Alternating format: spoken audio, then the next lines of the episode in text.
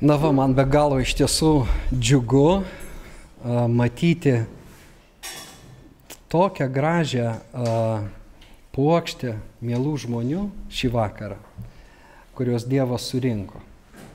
Ir iš tiesų labai noriu a, nepavesti jūsų lūkesčių ir tikiu, kad šie Biblijos apmąstymo vakarai, maldos, bendrystės a, tikrai a, jūs palaimins, mus visus priartins prie Dievo ir suartins vienas su kitu.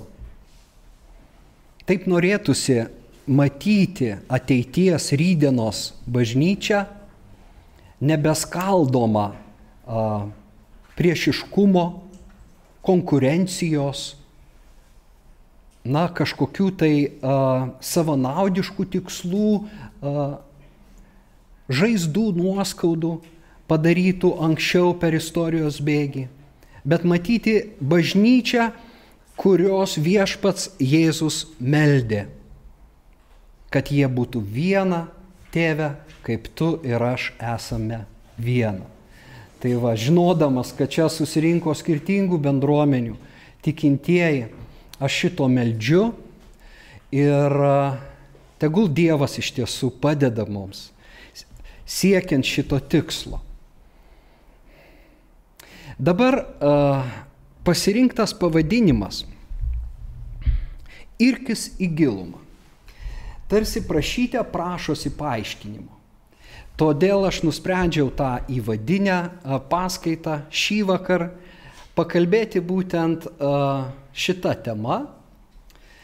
Ir, uh, na, tegul ta tema ir formuoja iš tiesų visą ciklą uh, mūsų studijų gilinimosi į Dievo žodį ir mes geriau suprasime, kas tikėtina vyks mumyse, kas tikėtina vyks, na, drįšiau sakyti galbūt ir platesnė prasme miesto gyvenime.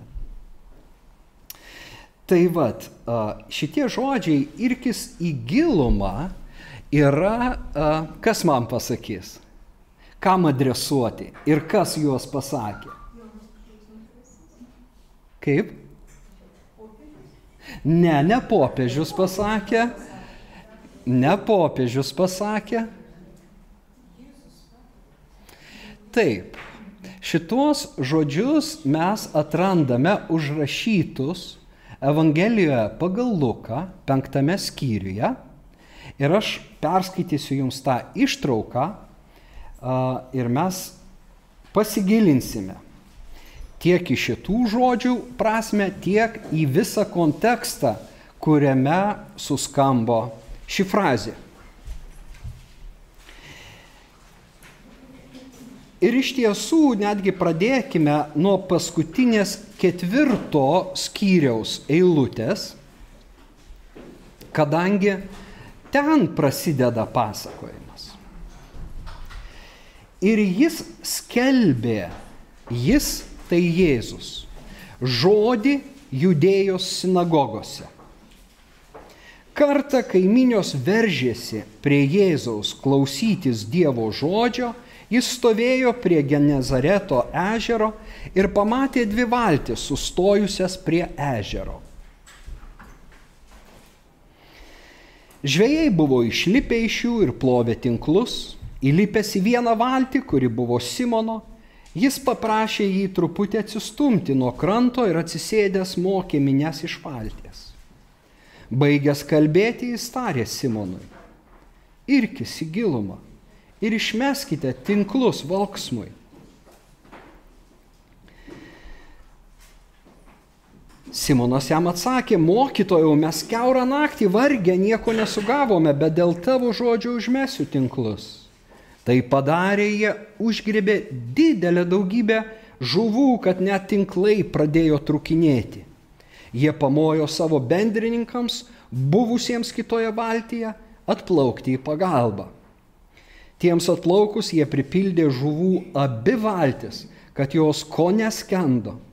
Tai matydamas Simonas Petras polė Jėzų į kojas, sakydamas, pasitrauk nuo manęs viešpatie, nes aš nusidėjėlis. Mat jį ir visus jo draugus suėmė išgastis dėl to valksmo žuvų, kurias jie buvo sugavę. Taip pat Zebedėjaus sūnus Jokūba ir Jona, kurie buvo Petro bendrai. O Jėzus tarė Simonui, nebijok, nuo šiol jau žmonės žvėjosi. Išvilkė į krantą valtis, jie viską paliko ir nuėjo paskui jį.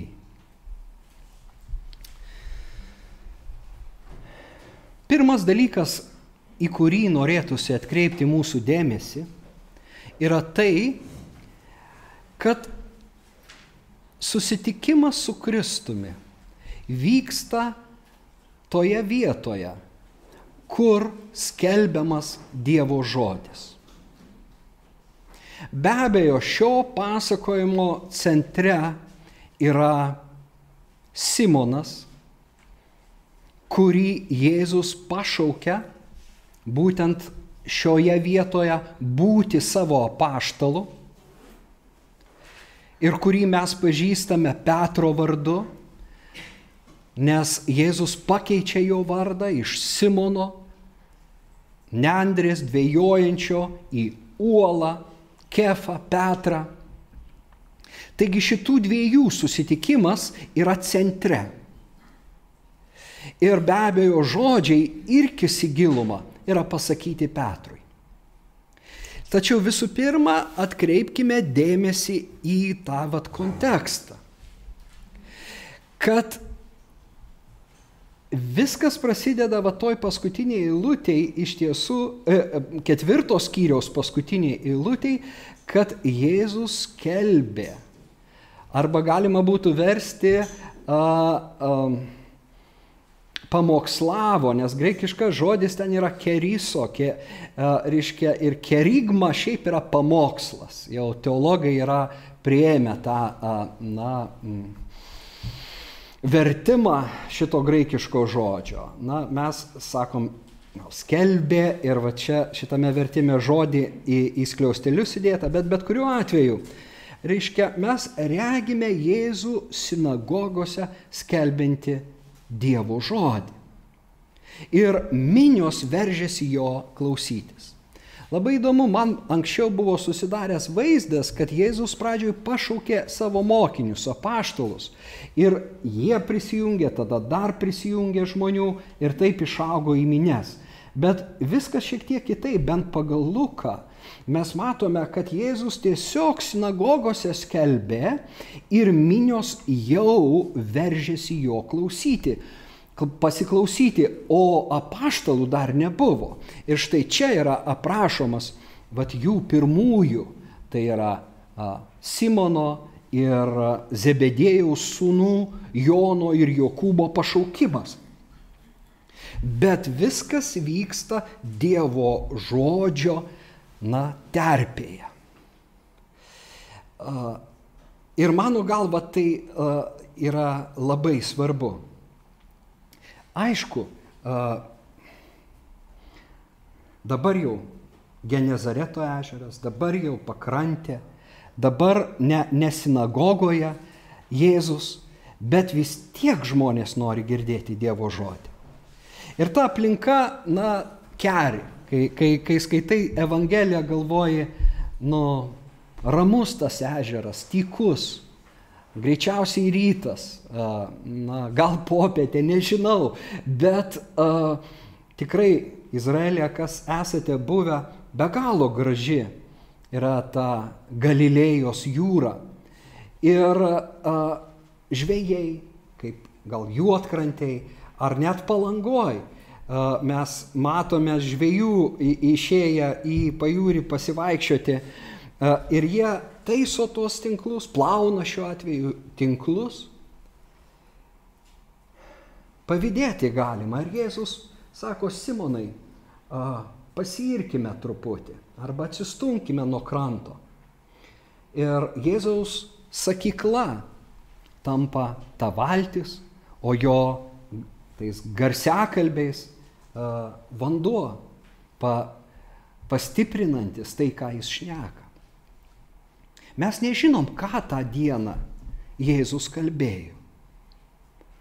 Tačiau Simono akistata su Kristumi, ta lemiama akimirka jo gyvenime, kai jis sužino savo tikrąjį pašaukimą, vyksta Jėzui baigus mokyti.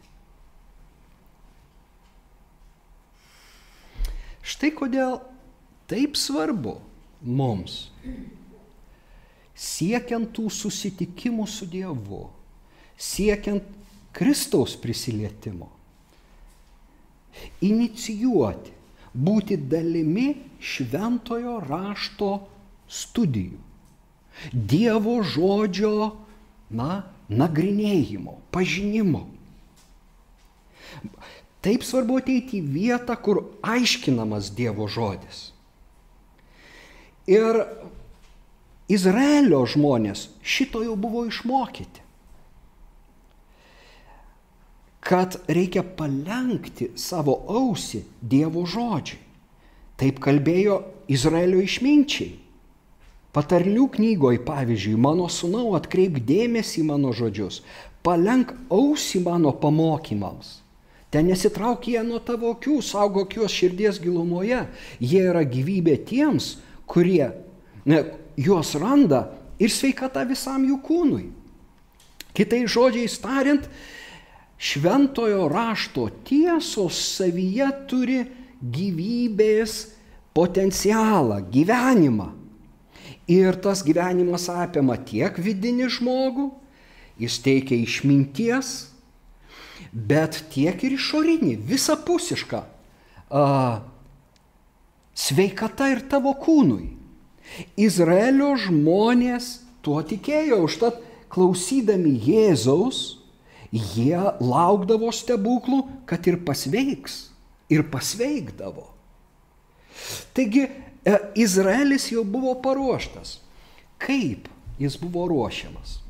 Aš šiek tiek studijavau taip vadinamą antrosios šventyklos periodą, tarp testamentinį tą periodą. Ir tampa aišku, kad būtent tuo metu vyko labai aktyvus Izraelio tautos paruošimas pamilti Dievo žodį, pažinti šventą įraštą, suprasti jį. Ir tai prasideda su Ezdra. Mes turime Senajame testamente Ezdros ir Nehemijo knygas, kurios aprašo, kaip tremtyje gyvenę žydai sugrįžta atgal į protėvių žemę, į Jeruzalę, jie imasi atstatyti miesto, šventyklos, bet svarbiausia reforma iš tiesų yra ne tai. Svarbiausia, kas vyksta jiems sugrįžus iš tremties, yra tai, kad pradedamas mokyti Dievo žodis. Iki vat to poegzilinio taip vadinamo periodo eilinis žydas ne, paklaustas apie šventą įraštą mažai ką galėtų pasakyti. Mes matom, kad net karaliai, kuriems buvo patikėtas, na, šventasis raštas, tora, nesigaudė tas pats Dovydas. Tik priverstas, na, gilinosi, kas įvyko, kad gabenant sandoros skrynę mirė žmogus, kad, kad, kad Izraelį ištiko prakeikimas, kas čia vyksta, tada jie atsivertė ir tyrinėjo šventą įraštą. O paklausus eilinio žmogaus, tikrai to pažinimo nebuvo. Štai Esdras, na, yra įžymus tuo, kad jisai pradėjo mokyti Dievo žodį. Ir iš tiesų Talmude yra parašyta, Štai kas apie Ezdrą. Jis yra sulyginamas su Moze. Sakoma, kad Moze užkopė pas Dievą. Į kalną turime omeny, e, e, Sinajaus kalną. O Ezras iš Babilono užkopė į Jeruzalę. Čia aš cituoju Talmudą. Apie Mozę pasakyta, jis įsakė išmokyti jūs įstatų ir įsakų laikytis krašte, o apie Ezrą Ezras buvo atsidavęs visa širdim tyrinėti viešpatės įstatymą, laikytis jo ir mokyti Izraelį įstatų ir įsakų. Štai kodėl, na, tas Ezras buvo didelis toksai e, ir yra iš tiesų šiandien e, judėjams. Taigi, e, o, na, Nehemijo knygoje aš nežinau, ar man cituoti, aštuntame skyriuje bent kai ką galiu pacituoti, pavyzdžiui, kad buvo atneštas šventasis raštas, levitai skaitė iš knygos, iš Dievo įstatymo, išversdami ir paaiškindami jo prasme. Žydai sugrįžę iš a, Babilono nebekalbėjo hebrajiškai, tarpusavyje kalbėjo aramėjiškai. Nes aramėjų a, kalba buvo ta franka lingua, reiškia žmonių kalba, liaudės kalba, kuria a, buvo kalbama. O raštas buvo vis dar hebrajiškai, jie jo nebesuprato. Todėl mes e, tame epizode matome levitus aiškinančius ir verčiančius netgi žmonėms hebrajiškus tekstus e, į aramėjų kalbą.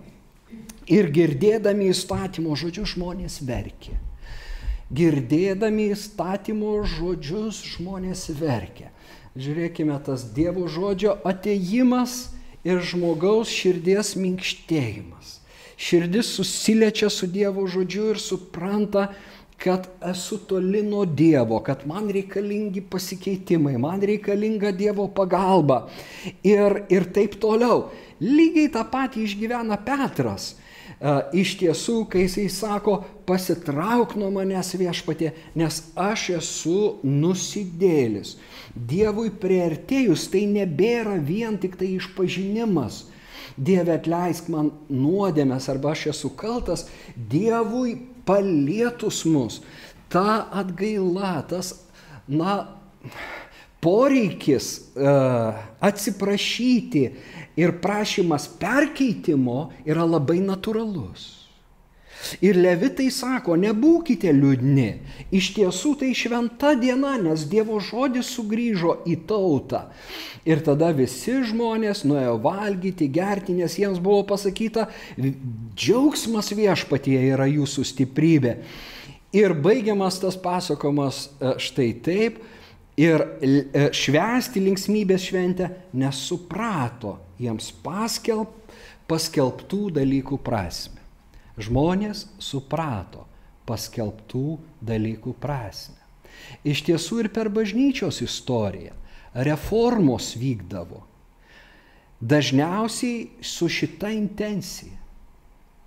Galim pasakyti, kad o Liuterio, kitų reformatorių pagrindinė intencija ir buvo ta, kad bajoras valstietis, paprastas žmogus suprastų Dievo žodį. Todėl Martynas Liuteris išvertė Bibliją į vokiečių kalbą, nors jau buvo ta Biblija vokiečių kalba, bet jinai neprigijo liaudyje.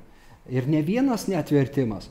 O štai Liuteris paėmė žmonėms suprantamą kalbą, jisai pasirinko tą gyvą kalbą, jis turėjo pojūti tą to e, kalbos, bet drauge yra prieiškimo slypinčio Dievo žodėje.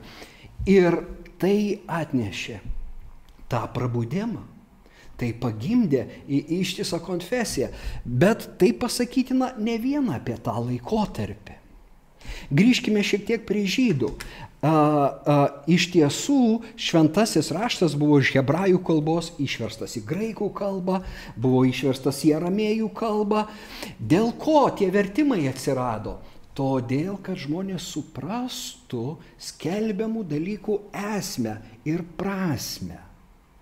Štai koks Dievo žodis svarbus. Jis negali būti toli, jis turi priartėti su savo prasmėm. Ir sinagoga tapo ta vieta, kur žydai nagrinėdavo Dievo žodį. Šventykloje, kai ji buvo statyta, vyko be abejo ten ir šventės, ir garbinimas, ir aukos, bet be sinagogų, pats žodis sinagoga yra suėjimo, susibūrimo, na, susirinkimo vieta, susirinkimo pažinti Dievo valią, studijuojant jo žodį. Žiūrėkite, tegul šitie vakarai būtent atlieka tą a, funkciją. Pažadina troškulį kiekvienoje širdį. Pažinti šventą įraštą. Nu, skaityti jį, suprasti, perprasti ir taip, kad jisai, na, atgytų, liestų, kalbėtų, taptų asmeniškas. Žiūrėkim, antras žingsnis. Toje terpėje, kur Jėzus pats moko, sinagogose, kur sinagogose a, mokytojai, rabi, mokytojai judėjų moko, staiga pradeda reikštis Dievo gale. Bet antras žingsnis yra atvirumas Dievo žodžiai. Atkreipkime dėmesį, jog Simonas, Petras, yra atviras. Jis jau supranta, kad gerai, kad Jėzus moko Dievo žodį. Kad yra labai gerai, kad žmonės girdi Evangeliją apie Dievo karalystę, nes tai Jėzus pamokslaudavo. Jis kalbėdavo palyginimais apie Dievo karalystę. Ir mes nežinom, ką jis ten dėstė, bet kažką apie Dievo karalystę tądien. Ir kai jis išgirsta Simonas, kad Jėzus sako, galiu pasinaudoti tavo valtim, šią paslaugą. Ar galiu? Ir be abejo gali. Simonas atviras. Na, kaip, atvir, kaip atvira uh, Liuteronų bažnyčia šiems susitikimams. Kaip uh, kunigai atviri tam, kad vyktų Dievo darbai. Tai nuostabu. Gerai, lipk, plaukiam. Pats graikiškas žodis neleidžia sakyti, ar, ar, ar Petrui teko stumti valtį ir buvo negilu, ar jam teko ir kluoti, gali ir taip ir taip buvo. Tiesiog jie a, turėjo paplaukti. Bet Petras jau žiūrėkime, na, dalyvauja. Dar nieko nėra įvykę, sakykime, to, kas įvyks, nes mes jau žinom, kad įvyks kažkas tai galingo, kažkas lemtingo, ne tik jo gyvenime, apskritai istorijos gyvenime. Gims bažnyčia, tai pirmasis ganytojas. A, ir, bet jis jau pasijungęs. Jis sako, gerai, aš dalyvauju. Tai yra atviro žmogaus a, elgesys. Nes jis galėtų sakyti, maža, yra daug valčių. Kodėl tu čia dabar man prašai tos valties? Ne va taip būna žmonės, kad va, ateina ta evangelija, o žmogus nepasiruošęs, užsidaręs, savy užsi, užsi uh, sklendęs, ar ne? Kaip uh, Jėzaus palyginimuose, ne viename apie Dievo karalystę. Siunčia karalius savo šauklius, sako, ateikit, iškėliau puotą. Vienas sako, ai, aš pirkau jungą jaučių, aš vedžiau, yra dar kokia nors priežastis, dėl ko aš neteisiu. Tai uždari žmonės, tai uždari žmonės. A, tikėtis Dievo veikimo, sakykime, kaip mes gėdojame, ateik šventoji dvasia. Neįmanoma, jeigu esi uždaras. Turi atsivert, plačiai atvert širdį. Ir sakyti, Dieve, nežinau, kaip tu veiksi, ką tu darysi, bet aš noriu būti dalimi to, ką tu šiandien darai. Nes tu veiki, tu gyvas, tu gyvas. Aš noriu būti tesinys tavo bažnyčios, narys tavo kūno, neapmiręs, bet gyvas, veikiantis pagal tą malonės saiką, kuri man suteikia.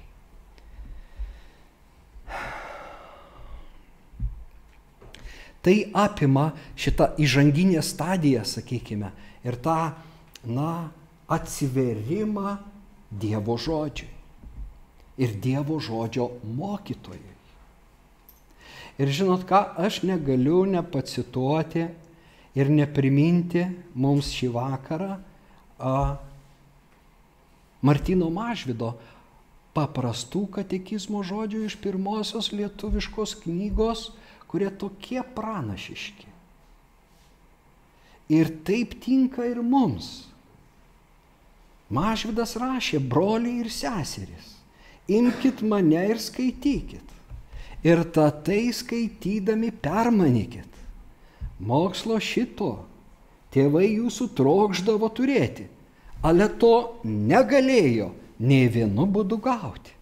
Regėti to norėjo savo akimis, taip ir išgirsti savo ausimis.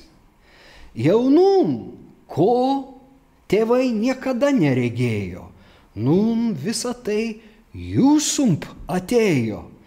Veisdėkit ir dabokitės žmonės visos, štai eina jūsump žodis dangaus karalystos. Ir dabar žiūrėkit, atsiverimo momentas. Maloniai ir su džiaugsmu tą žodį priimkit. O jūsų ūkiuose šeimyną mokykit, sūnus, dukteris jūsų turtą tai mokėti, visa širdžia tur tą Dievo žodį mylėti. Jei broliai seserys tos žodžius nepapeiksit, žiūrėkit, neatstumsit, Dievo tėvą ir sūnų savo mėlu padarysit ir pašlovinti po akimis Dievo būsit. Visose daiktuose palaimą turėsit. Šituo mokslu Dievą tikrai pažinsit ir prie dangaus karalystės prisertinsit. Neužtrukit, broliai, seserys, mane skaityti. Kreipiasi Martinas Mažvidas į mus šį vakarą. Neužtrukit, broliai, seserys, mane skaityti. Žodis dangaus karalystės. Arti, artėja, atsiverkime ją, maloniai priimkime. Ir žiūrėkime, na, ne tik būsime pašlovinti Dievo akise, bet visuose dalykuose palaimą turėsim. Dievo malonė, laimė, tai, ko žmonės iš tiesų siekia. Mes žmonės norim būti laimingi. O žodis palaima ir laimė iš tiesų ir lietuviškai turi tą pačią šaknį. Tik kai mes sakom, kad laimė iš Dievo, tai mes sakom palaiminimas. Bet iš tiesų, kai Jėzus sako palaiminti, vargdieniai dvasia arba vargšai dvasia, galim versti laimingi, laimingi. Kai jisai sako, laimingi gailestingieji, jie susilauks gailestingumo. Laimingas žmogus, kai jo nuodėmės atleistos. Žiūrėkime, tai nuėma šiokią tokią skraistę ir mes suprantam, kad šventasis raštas kalba apskritai apie tai, ko visiems žmonėms taip reikia.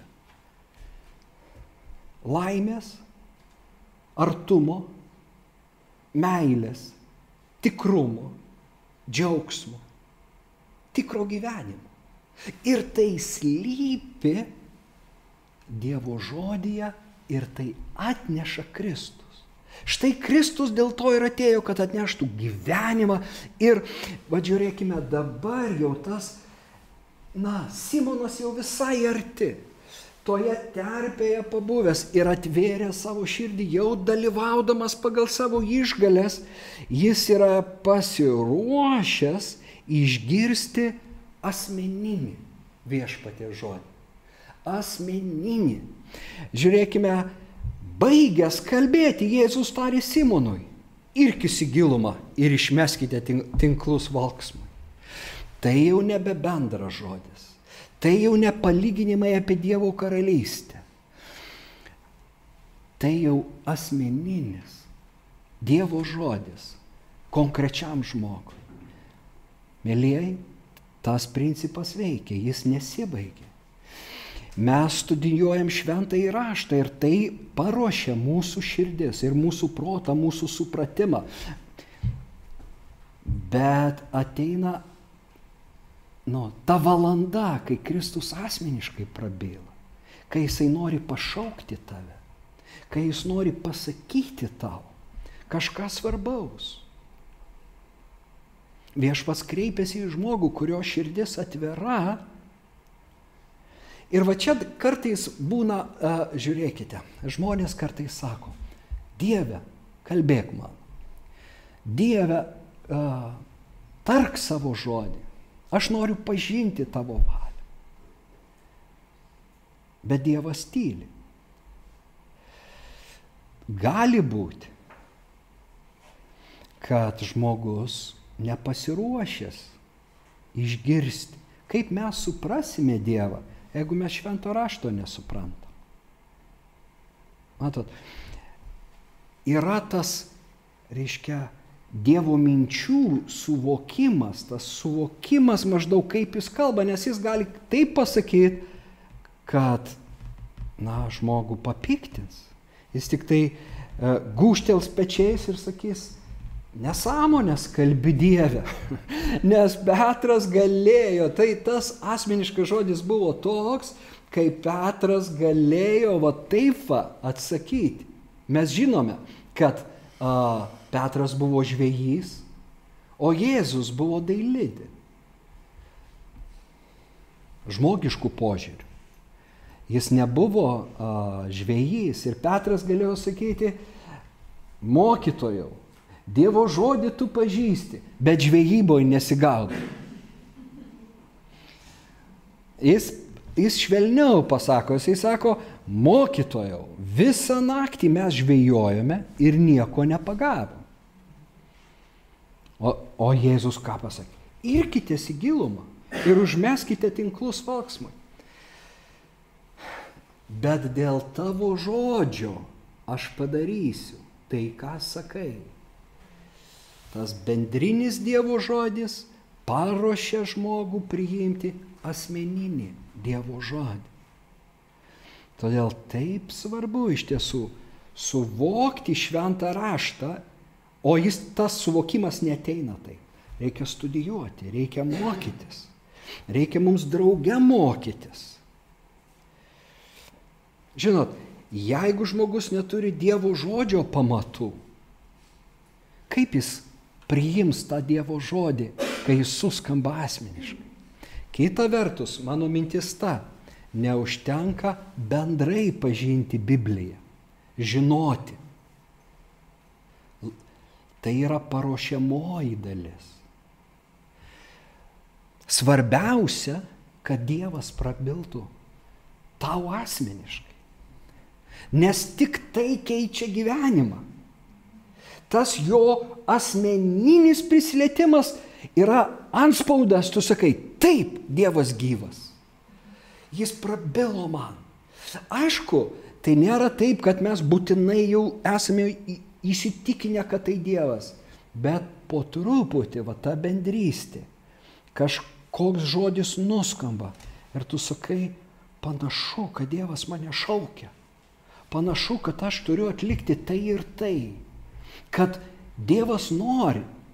Mato, Dievas nori matyti gyvą Kristaus kūną.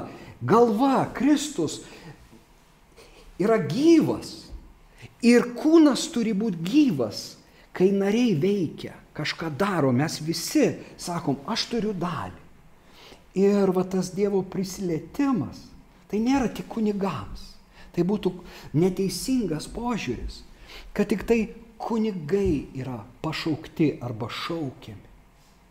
Visi mes pašaukti, visi mes dalyvaujam.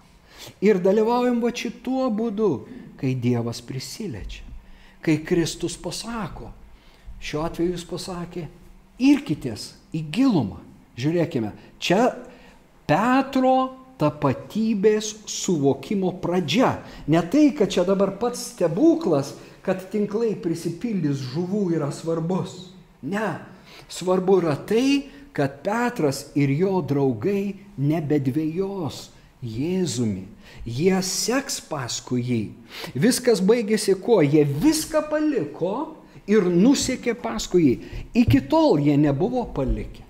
Jie buvo atviri Dievo žodžiui, nu, jie lankėsi sinagogose, jie, kaip sakyti, jau dalyvavo, jau, nu, mes sakytume taip, buvo tikintys, bet be to asmeninio pašaukimo dar nebuvo tais, ko Dievas juos regėjo. taip ir mūsų gyvenime. Be to asmeninio Kristaus žodžio irkis į gilumą nėra vaisiaus. Mes tarsi vegetuojame, esam toje vegetacijos būsenoje. O Dievas nori mus pažadinti. Vėlgi, jokių būdų nenoriu, e, na, kam nors pasmerkimo užtraukti arba kad kas nors kažkaip tai pasijustų na, dabar toksai smerkiamas. Ne. Visi mes e, apsileidžiam ir visi mes, na, gyvenam tiesiog tam tikroj rutinoj. Bet taip svarbu, bet tai, ką mes ketinam daryti, skirti laiko šventam raštui, skaityti jį, suprasti ir taip pat širdį viltis. Kristus man prabils. Šventoji dvasia mane palės. Įvyks stebuklas. Įvyks stebuklas. Na be abejo, žodžiai irkis į gilumą turi ir tą simbolinę prasme. Todėl jie buvo pasirinkti šitiems vakarams.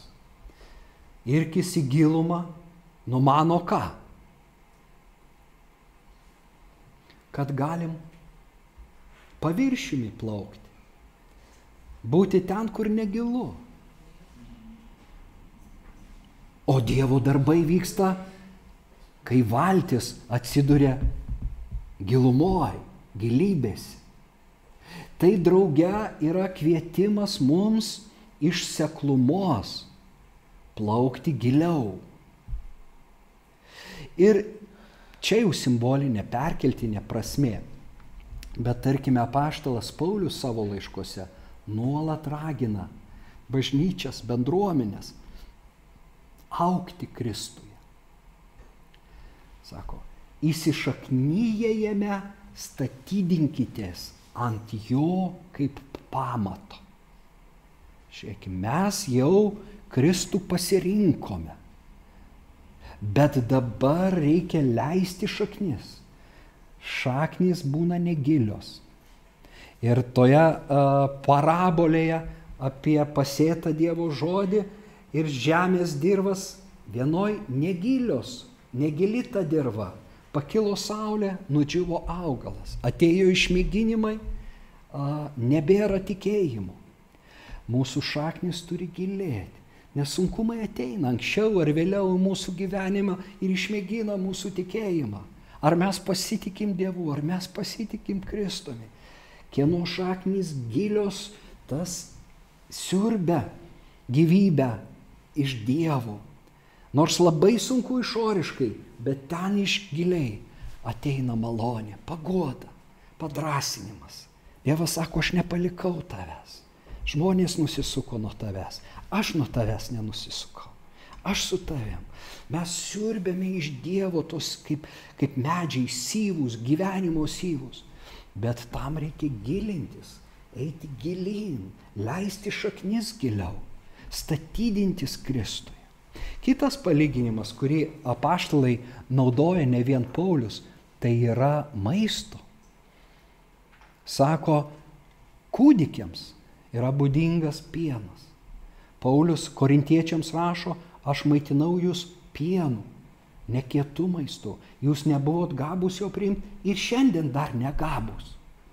Štai ką jisai. Kitas palyginimas, bet jo prasmė ta pati. Irkis į gilumą. Neužtenka paragauti Dievo. Neužtenka gimti Dievo karalystę. Neužtenka pereiti per, na, sakykime, tas būtinas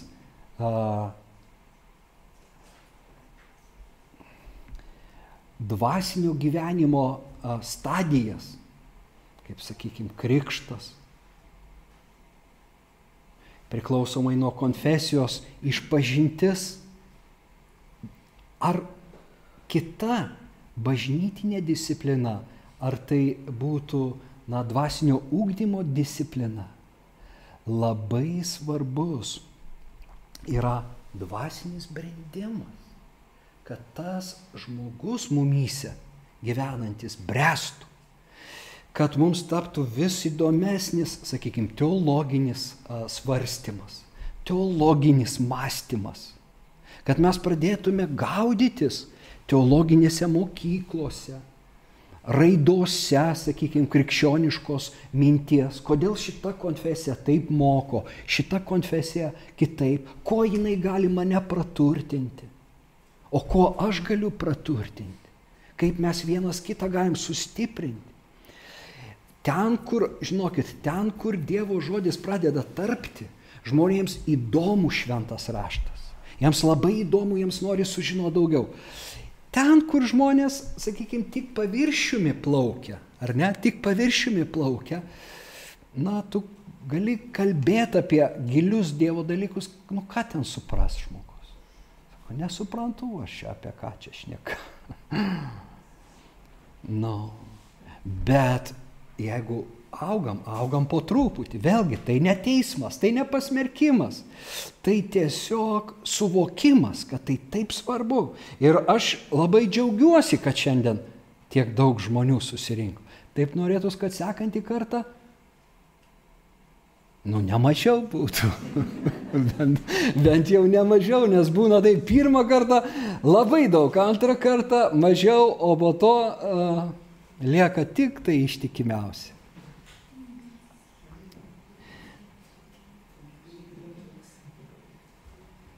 Taip norisi, kad vat einant laikui jūs mokytumėt, daugiau mokytojų pakiltų. Žiūrėkit, ką Mažydas sakė, savo šeimynuose tą žodį mokykit. Sūnus dukteris tur, jūs pažin, be abejo tai reforma.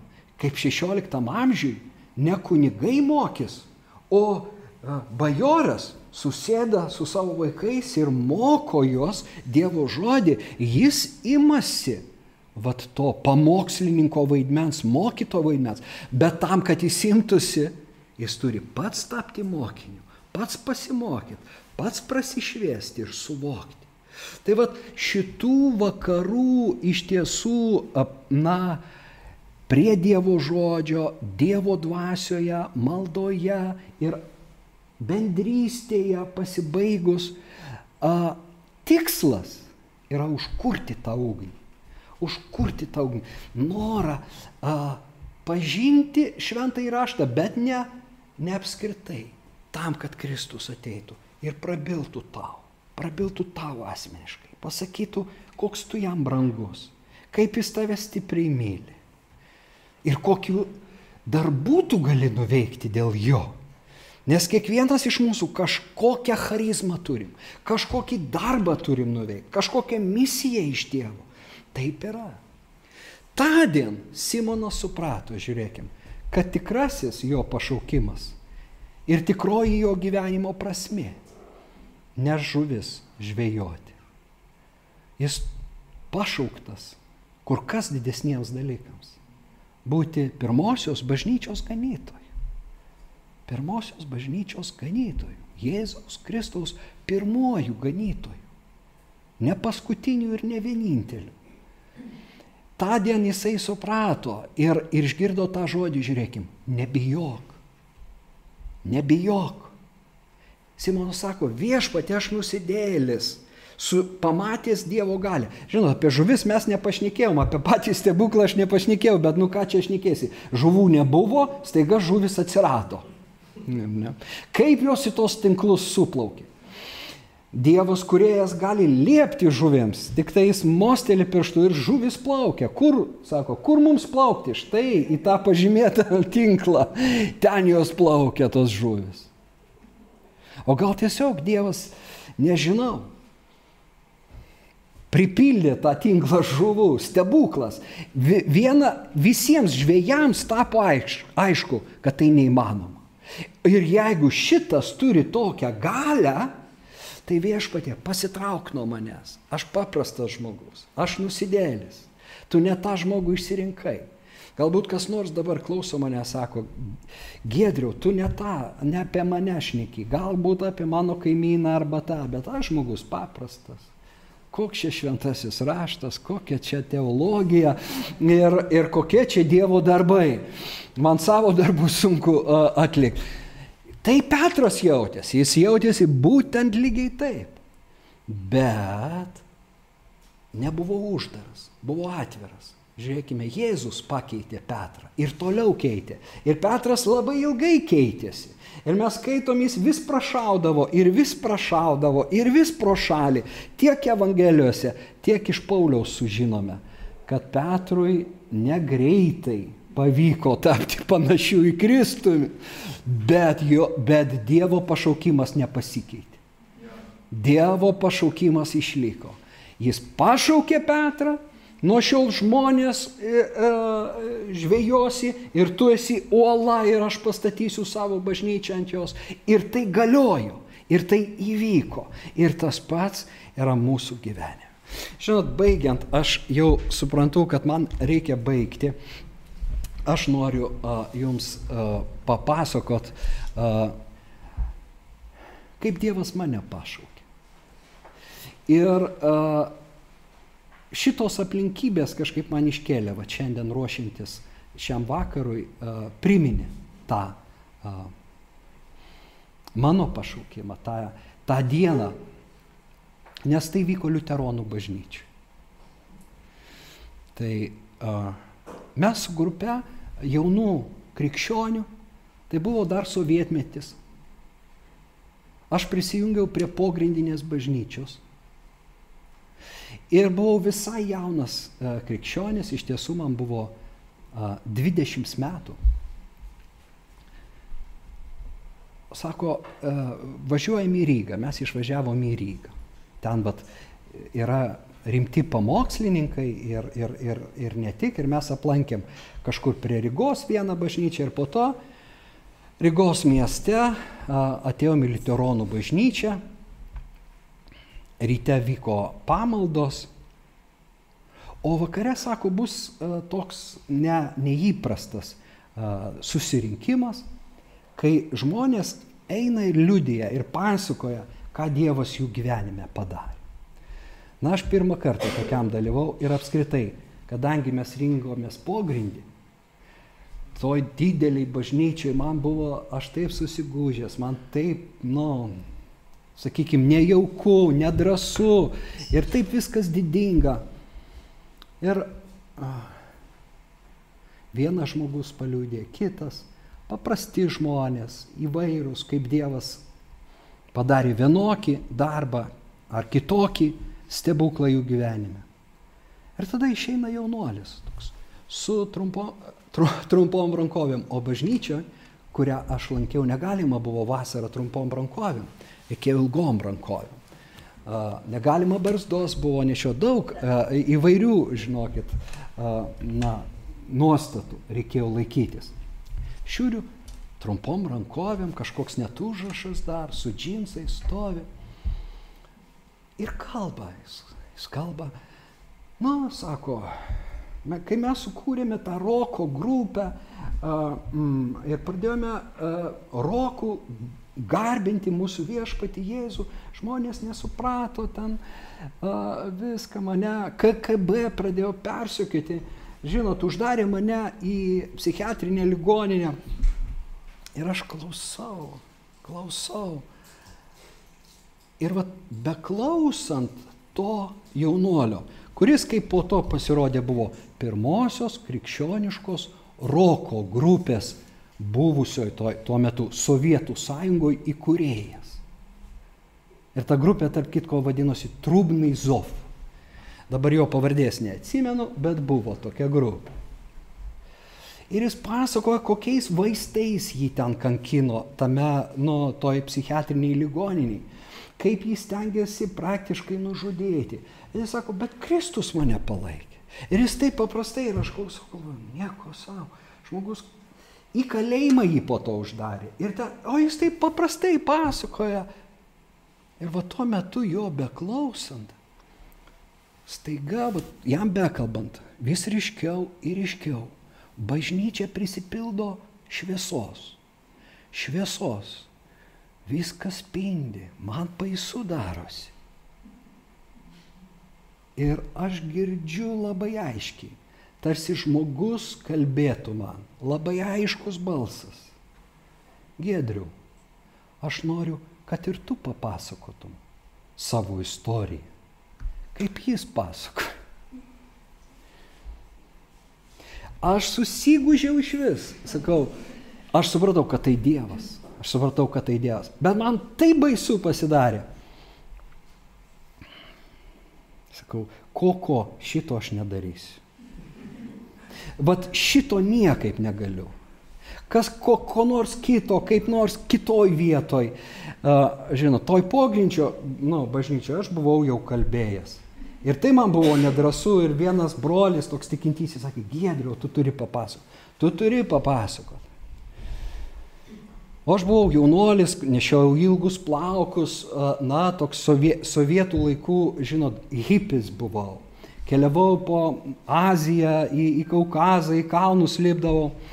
Ir dabar, kai aš tapau krikščionim, nu, tai, kaip sako, įdomus liūdimas vat, na, ne, ne iš religingos šeimos žmogus uh, įtikėjo, atsivertė. Ir toj mažoj bažnytėliai buvau kalbėjęs, bet čia baisu, ką tu, ne, ne, sakau Dieve, ne ir ne ir viskas. Bet vietoj to, kad ta, ta sakykime, buvimas kažkaip tai užsirūstintų, jis tik didėja, tik stiprėja. Tas Atrodo, visi plaučiai jau, nu, spaudžia šventoji dvasia. Viskas pilna Dievo šlovės. Ir aš tada jau sakau, Dieve, eičiau. Bet tu matai, pasibaigė susirinkimas.